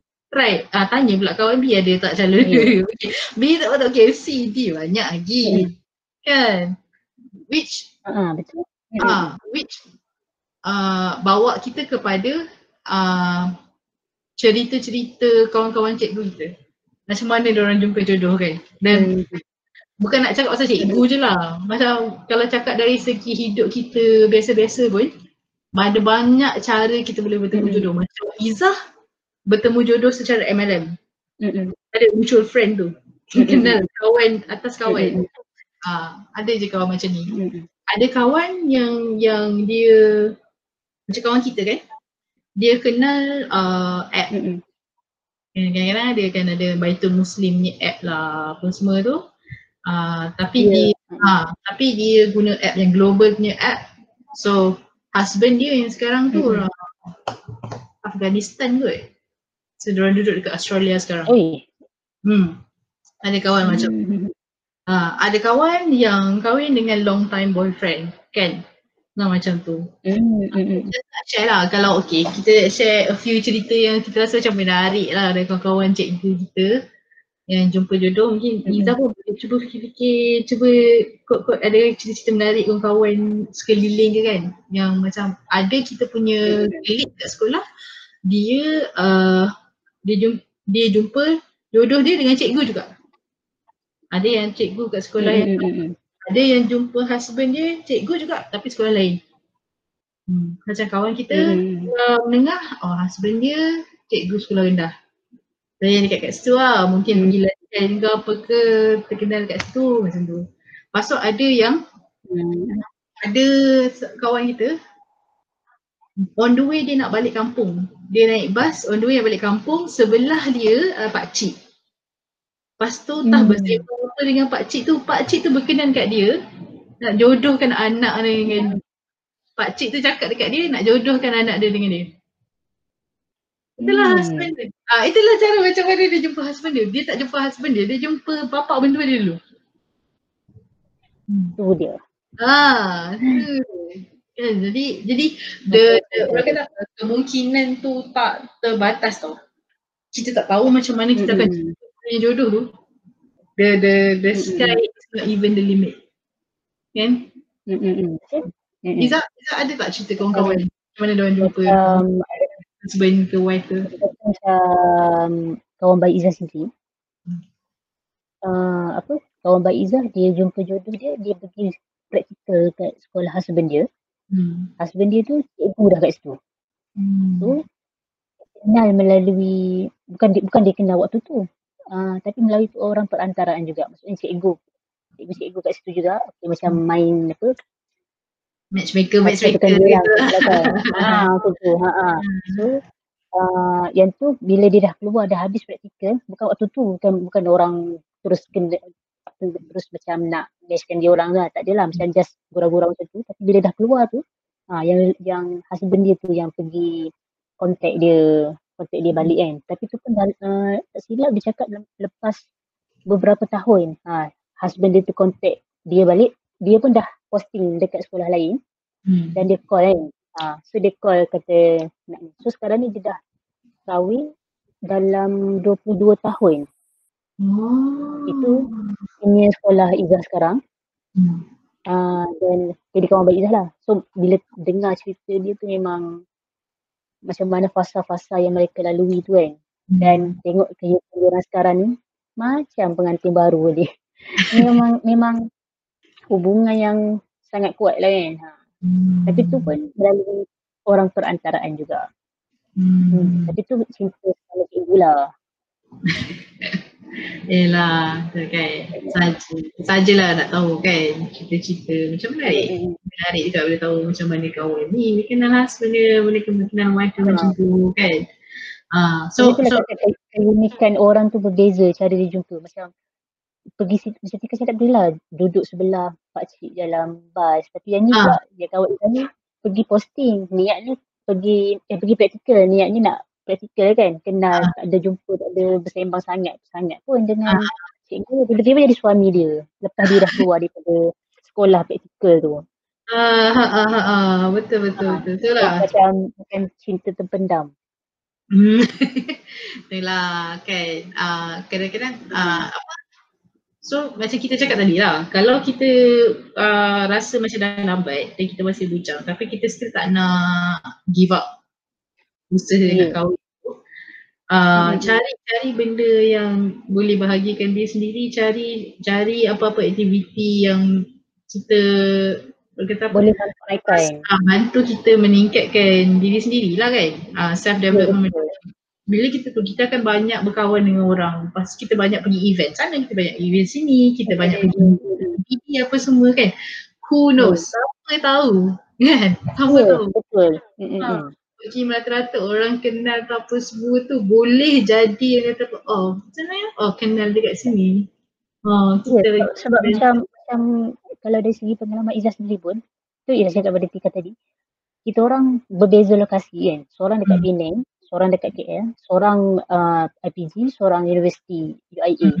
tu macam sangat jauh berbeza dia punya lokasi dan dari segi usia pun of course Hmm. lah macam tak sama tapi sebab Hmm. aktivisme tu kawan-kawan yang sendiri yang macam salah satu daripada faktor yang menyatukan juga hmm. Ha, hmm. kita je macam tersepak lah kan. Macam jodoh tersepak pun boleh orang panggil. Tiba-tiba je boleh kenal. Ah, just bukan apalah, saja saja nak highlight supaya orang yang dia rasa macam lambat dah. Orang kita panggil bujang senja lah kan. Dia rasa macam dah lambat dah. Saja nak bagi tahu cerita-cerita ni ah supaya jangan rasa cepat sangat putus asa.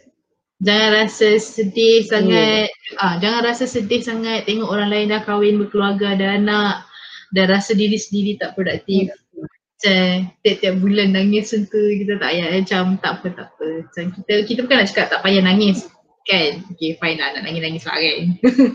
Cuma cuma uh, apa uh, kalau rasa boleh berat, uh, jangan terus meratapi yes jangan terus meratapi jangan terus give up yeah. kan kita tak tahu dekat mana celah mana jodoh kita akan tiba-tiba hi hello macam tu Ya, betul. Tak Ah. jangka pun. Ah, betul betul. Okay. Uh, kita dah banyak cerita pasal uh, Iza, family Iza, husband kan macam tu kan.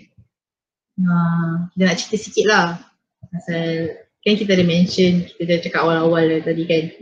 Uh, kita dah lama Hmm. sangat tak cakap dengan Iza lepas kita habis asasi undang-undang dulu kan. Tapi Ah, kita sentiasa tahu apa benda yang Iza buat sebab Iza selalu ada dekat Facebook. Iza selalu post-post Hmm. cerita kan. So, so kita tahulah. Hmm, Iza selalu letak pasal anak-anak kan. Uh, pergi jalan, cakap pasal uh, relationship dengan husband semua macam tu. So kita tahu jugalah. Mm-mm. Um, mungkin mungkin Iza boleh cerita sikit uh, macam mana Iza buat pilihan untuk kongsi cerita keluarga Iza dengan semua orang yang lain. Hmm, okay. Uh, kalau ikutkan personally Izzah sendiri, jenis macam sebenarnya tak suka sangat sosial macam ni kan, social media. So macam nak share benda-benda peribadi macam ni. Tu kadang-kadang tu macam sebenarnya segan jugalah nak share. Kadang-kadang fikir eh apa benda pula nak share kan. Tapi bila Izzah letakkan Izzah tengok bila Izzah berjinak-jinak dengan Facebook ni, Izzah tengok kebanyakan yang macam remaja ataupun yang usia kita ni uh, bila dia posting dia post apa-apa dekat Facebook ataupun media sosial ni dia macam dulu pun macam ada Friendster semua tu kan. Ah, ya Allah lama kepada je. benda-benda Ah ya kan. Macam dia, dia more kepada benda-benda yang negatif. Ah, so Ah. dia share pasal emosi-emosi.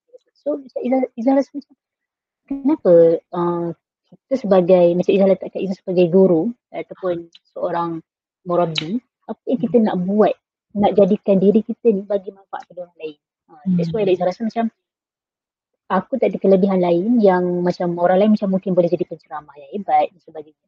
So aku kata sebab Izzah punya Izzah punya minat more kepada penulisan kan. Jadi kita kata okay uh, daripada duk berkarya benda-benda yang ni so macam uh, apa salahnya kalau Iza juga um, berkongsi sesuatu yang more, uh, untuk memberi benda yang negatif, uh, yang positif. So macam kita uh, boleh lawan benda yang negatif. Sebab macam Dr. Alizi pakar, pakar psikologi pun cakap, tiga, em, tiga emosi uh, negatif perlu dilawan dengan satu emosi yang positif. So macam uh-huh. tiga yang negatif tu kena lawan dengan satu yang positif. So macam mana? Uh, so that's why macam kita kena membanjiri media-media sosial kita dengan benda-benda yang positif, benda-benda yang seronok supaya kita punya environment kita ataupun persekitaran kita tu kita hmm. berada dalam komuniti yang sihat kan. So kalau hmm. kita tengok um, sakit mental ke apa semua sekarang ni pun dah makin bertambah kan. Hmm. Sebab apa?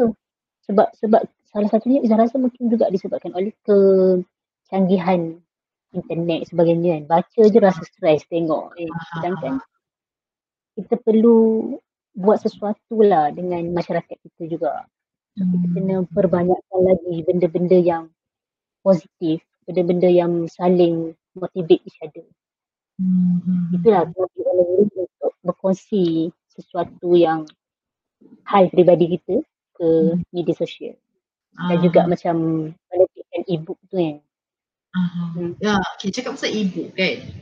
Uh, ada hmm. nampak WhatsApp status eh. Uh, uh, hmm. Apa? Izzah ada siapkan ebook hujung tahun lepas. Hmm. Tajuk dia Mehnah ya. 2020 Jalan ke Syurga. Uh, yeah. Try Google lah tak jumpa ni buku ni yang sebelum publish ni. Kan? Uh-huh. Uh, uh-huh. Okay. Cuba cuba uh, Izzah share uh, kongsi sikit. Kan? Mm-hmm. Uh, ebook ni pasal apa? Oh, ebook ni pasal kehidupan kita. Sebab kalau kita tengok macam tahun 2020 tu adalah salah satu pasal tahun yang kita rasa macam kita tengoklah perkongsian ataupun sharing daripada siapa-siapa yang uh, melalui uh, 2020 ni dia rasa macam sedikit malap kan. Uh, Izzah sendiri pun rasa macam tak ada apa ke tahun tiba-tiba daripada awal tahun mula tiba-tiba jadi macam tahun. Ha, tak ada apa kan. Jadi sebenarnya macam di sebalik uh, ujian-ujian yang telah Allah berikan pada kita dengan pelbagai macam kan.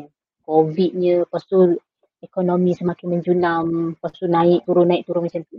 Hmm. Uh, nak berjumpa dengan keluarga tak boleh. Tapi apa yang kita dapat kan? Apa yang kita dapat di sebalik uh, ujian-ujian ni. Uh, so Mehna tu adalah satu daripada.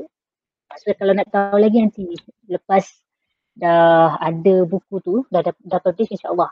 Akan sharekan lah dengan barulah kalau tahu kan apa kandungannya. Ah, insyaAllah. Ah, basically buku tu pasal refleksi kehidupan tahun 2020 lah kan.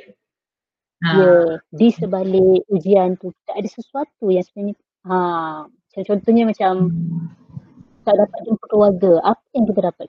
Tak dapat jumpa keluarga sambut hari raya kat kampung. Hmm. Tapi dalam masa yang sama sebenarnya ada sesuatu yang Allah bagi kepada kita kalau kita tengok sepanjang uh, bulan Mac sampai bulan uh, Mei hampir tiga bulan juga lah kan dua uh. bulan lebih kita dapat bersama luangkan masa dalam keluarga kecil kita suami, isteri, anak-anak duduk di rumah boleh spend masa bersama yang hmm. sebelum ni mungkin ayah, mak pagi-pagi dah keluar kan ha, itu adalah hmm. salah satu daripada kemanisan yang tak tahu bila lagi kita akan dapat macam tu kan hmm. Hmm. which itu adalah salah satu yang berkait dengan apa yang kita cakap awal-awal tadi lah kan? Kita punya point of view kan?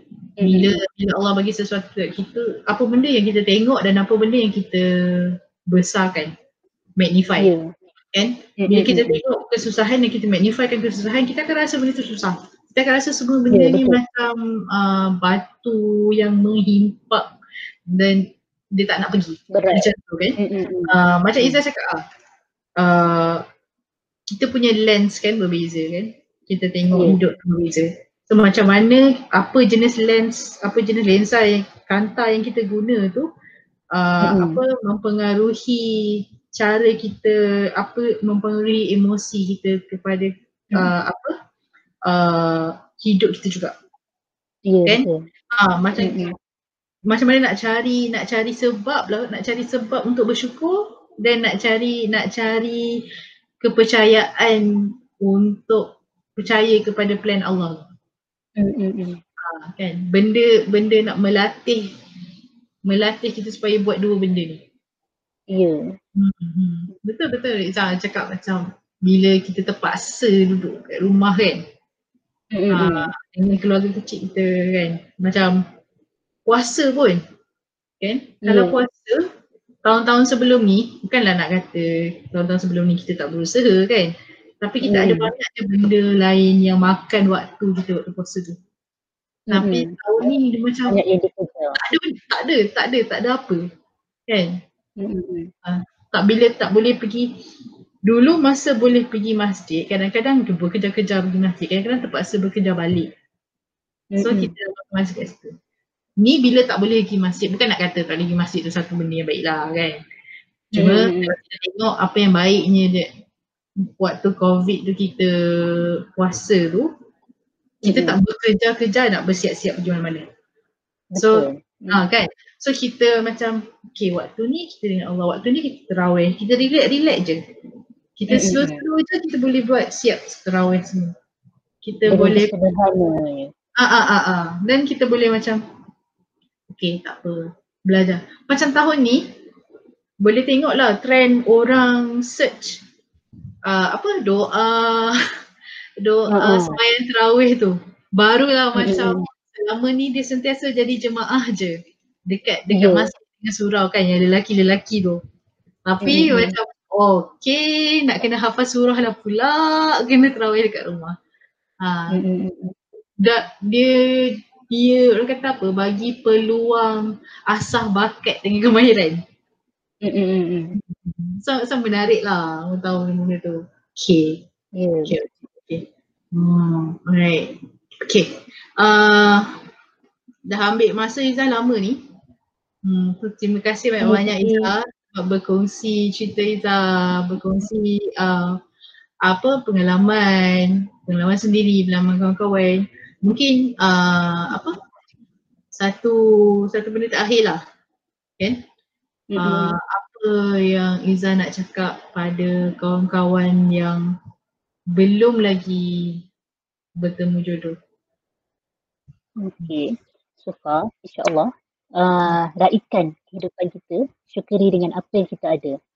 Sebab macam Izzah cakap tadi, Allah sebagaimana kita merancang dengan cipta kita, tapi Allah merancang dengan cintanya. Cintanya pada hamba dia tu uh, lebih besar daripada segala-galanya. Kita yang kita memang tak tahu bila Allah nak bagi pada kita sama ada aspek jodoh, aspek pekerjaan, aspek kebahagiaan yang bila kita kecapi dengan kita syukuri apa yang kita ada sebenarnya dan tidak membeza-bezakan dengan orang lain apa yang orang lain ada itulah yang sebenarnya menjadi salah satu daripada kebahagiaan kita sendiri akan rasa kan dan sa- satu yang Izzah nak uh, share juga sebagaimana uh, dalam surah At-Takasur ayat 5 demi sesungguhnya kalaulah kamu mengetahui apa yang kamu hadapi dengan pengetahuan yang yakin maksudnya bila kita yakin dengan apa yang kita ada tu sebenarnya itulah satu keyakinan yang akan Allah hadirkan kepada kita untuk meneruskan hidup ni dengan lebih jelaslah hala tujuannya insyaAllah. Hmm. Okay, kita bukan kita bukan nak nak bagi peringatan ataupun bagi uh, apa nasihat kepada orang yang belum ada. Tapi Ya. uh, mungkin boleh bagi uh, nasihat atau peringatan juga kepada orang yang dah ada. Kan? Hmm, untuk mensyukuri apa yang dia ada sekarang. Uh, satu untuk dia mensyukuri apa dia ada. Satu lagi uh, macam mana agaknya cara yang terbaik untuk kita sama-sama hidup dalam dunia ni. Kita dah ada, kita dah ada husband, kita dah ada anak, kita dah ada keluarga macam tu. Uh, apa yang kita ada ni uh, orang bujang tak ada. Uh, dan dan kadang-kadang kadang-kadang apa benda yang kita cakap uh, uh, reaksi kita pada orang bujang bila bila orang bujang cakap ah, tak jumpa jodoh lagi apa semua kan. Uh, mungkin tak orang kata apa?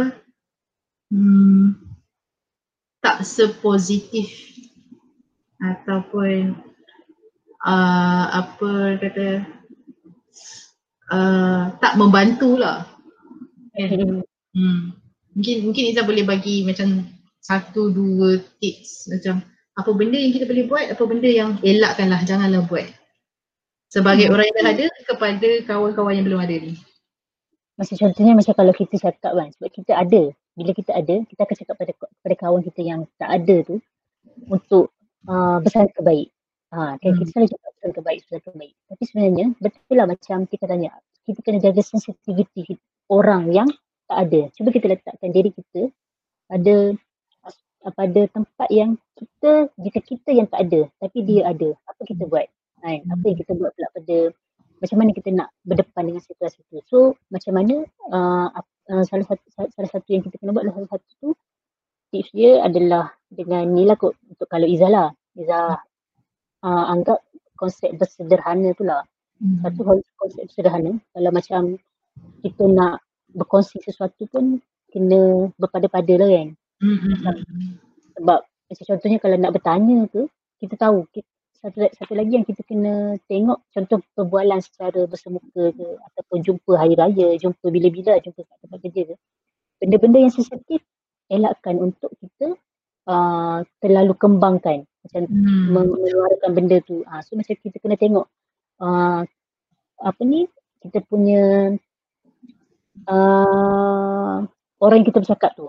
Uh, so contohnya bukan kata kita tak boleh berkongsi. Berkongsi tu bagus. Macam, macam kita pun kita cakap, kita selalu tengok juga kan. Posting kita dekat hmm. Facebook berkenaan dengan keluarga. Tapi dalam masa yang sama, kita berkongsi tu, kita kena tahu skop yang kita kongsikan tu. Dan dalam masa yang sama, bila bila tengok air muka orang tu berubah ke ataupun kita rasa benda tak sesuai yang boleh mendatangkan aib orang ataupun boleh mendatangkan sensitif orang contohnya macam nak bertanya, eh bila nak kahwin dah tahu dah setiap tahun jumpa ataupun setiap bulan jumpa tanya soalan yang sama tu benda tu tak tak seeloknya lah kan. Ha. So hmm. elak untuk uh, terlalu menonjolkan sesuatu yang kita ada tu lah. So macam yang pertama itu lah tadi macam bersederhana.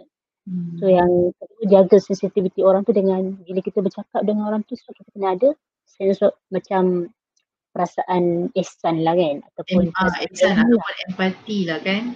Uh, uh, macam uh, macam Izzah uh, cakap ah semua orang mula dengan tak ada.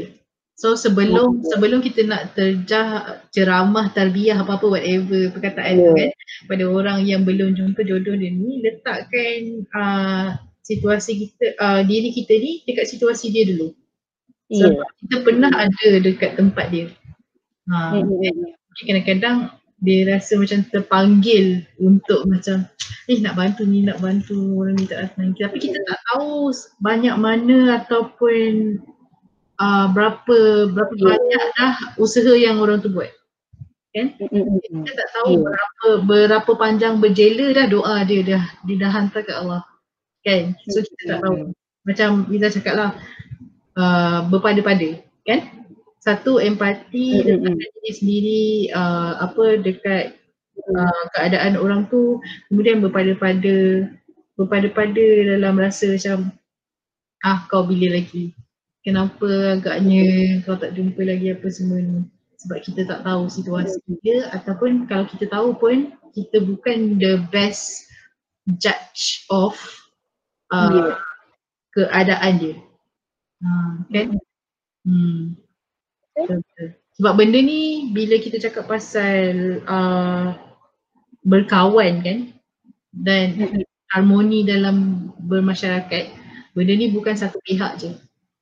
Kita boleh yeah. cakap, uh, kita boleh cakap yang yang seorang jangan putus asa tapi kita kena ingat juga oh kita ni jangan lebih-lebih. Yeah, yeah, yeah. Uh, kan? Hmm. Okay, okay, okay. Jika kita tak dapat nak membantu orang tu lebih baik kita janganlah menambahkan duka betul betul Reza.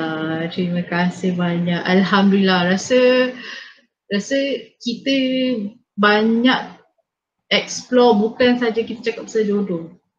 Kita hmm. cakap banyak explore pasal benda lain. Kita reflect uh, diri kita pasal aim, pasal betapa pentingnya buat perancangan hidup, kita cakap pasal uh, meletakkan kepercayaan kepada perancangan Allah. Uh, yeah. Lepas tu dah buat aim janganlah buat aim macam azan tahun baru lepas tu lupa tahu, tahu hujung tahun nanti uh balik kan. Ah uh, uh, betul. Aim kena di di apa di dengan usaha yang berterusan. Bukan usaha je tapi next step, langkah seterusnya yang berterusan. Orang bila keterusan tu pula lagi-lagi dalam soal jodoh ni tadi Izzah dah bagi contoh contoh lah yang rasanya memang lengkap. Kalau dah tahu nak kahwin jangan cakap nak kahwin je. Kan? Hmm, betul.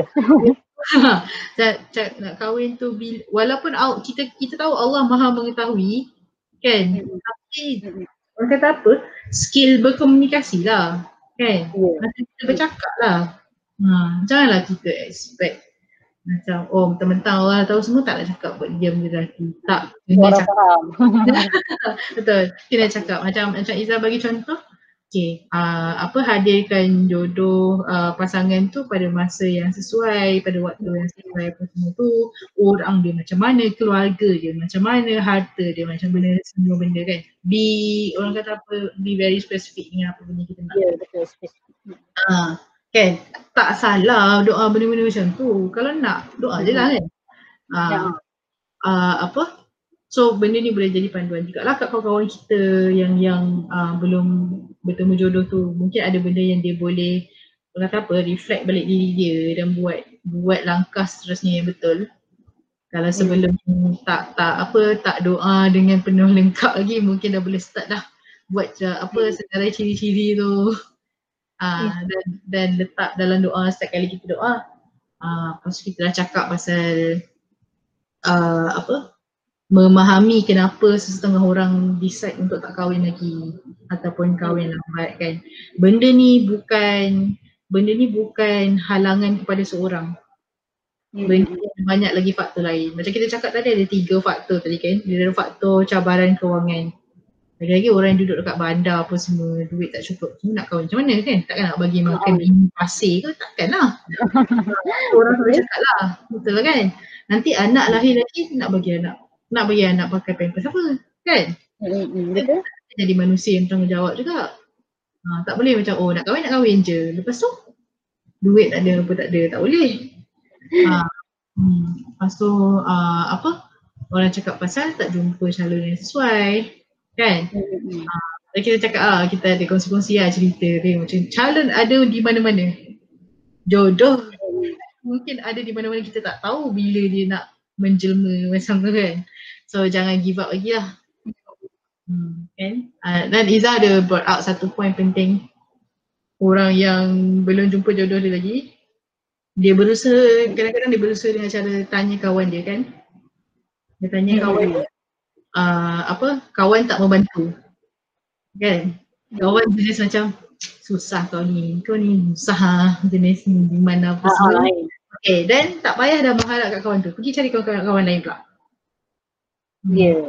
uh, ni kita cakap apa lagi tadi Iza kita cakap pasal uh, hidup ni penuh dengan uh, perubahan yang tak dijangka. Kan? Ujian-ujian mm-hmm. tak dijangka. Tapi dalam setiap perubahan dan ujian tu uh, kita kena cari apa benda yang kita nak syukuri. Yeah. So in a way dia boleh mengurangkan rasa beban dalam hati. Sebab fokus kita bukan kepada kesusahan tu tapi fokus kita kepada Weh rasa macam cukup je, rasa macam senang macam hidup ni Alhamdulillah. Hmm. Okay, okay, okay. Terima kasih banyak Iza. Uh, lama kita bersama hari ni. Kalau berkongsi ni. Uh, uh, nanti uh, apa? Kita kongsilah Iza punya link untuk ebook tu. Nanti bila Iza dah dah publish ebook tu nanti kan.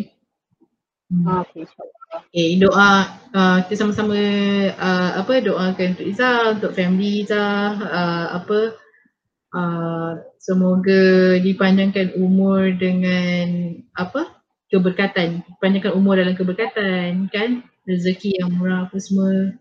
Dan kita doakanlah pada kawan-kawan kita juga yang belum sort of bertemu jodoh tu. Ah bukanlah nak suruh temukan jodoh cepat-cepat kan? Tapi diberi ketenangan. Hati sampai dia jumpa jodoh tu hmm. InsyaAllah amin. Amin Okay kita habis kat sini. Uh, Terima kasih. Assalamualaikum